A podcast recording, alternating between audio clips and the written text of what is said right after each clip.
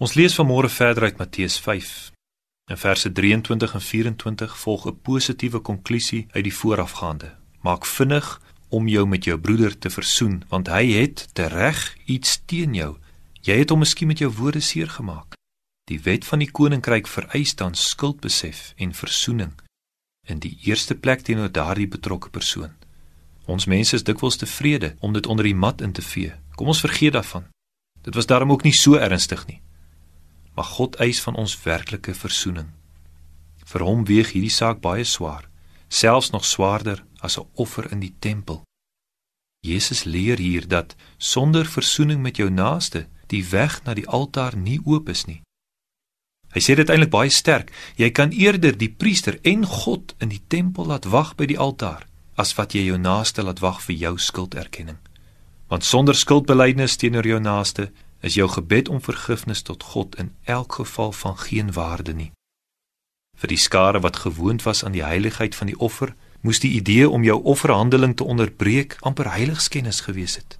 Maar Jesus leer dat om onversoen met jou naaste te bly, terwyl jy weet dat hy deur jou toedoen iets teen jou het, in God se oë nog groter heiligskennis is. Daar is geen ingang tot die Vader sonder versoening met die naaste nie. Die ingang word versper deur die einste persoon wat die ingang tot die Vader weer vir ons oopgemaak het. Jesus Christus het deur sy vervulling van die wet en die profete die toegang tot God weer moontlik gemaak. Hy tree by die Vader in vir elkeen wat werklik in geloof sy volgeling wil wees. Maar vir elkeen wat doelbewus sy koninkrykswet verontagsaam, sluit hy die toegang. As Jesus hom nie skaam om ons sy broers te noem nie, as hy bereid was om onskuldig versoening te bring tussen God en mens. Hoeveel te meer moet ons nie versoening soek wanneer ons teenoor ons naaste oortree het nie? Laat die liefde van Christus ons dring om nie te talm nie, maar so gou as moontlik die saak op te los. Daar bly 'n blokkade tussen my en God totdat die blokkade tussen my en my naaste uit die weg geruim word. God wag vir jou totdat jy jou met jou broer gaan versoen en dan gaan bring jy jou offer.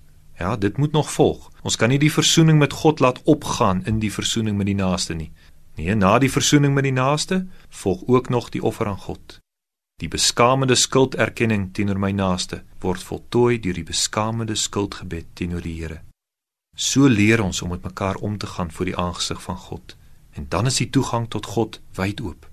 Dan, en hoe mooi sal dit nie wees nie, dan sal jou broer teen wie jy gesondig het self saam met jou na die altaar gaan en die saak met die Here regmaak.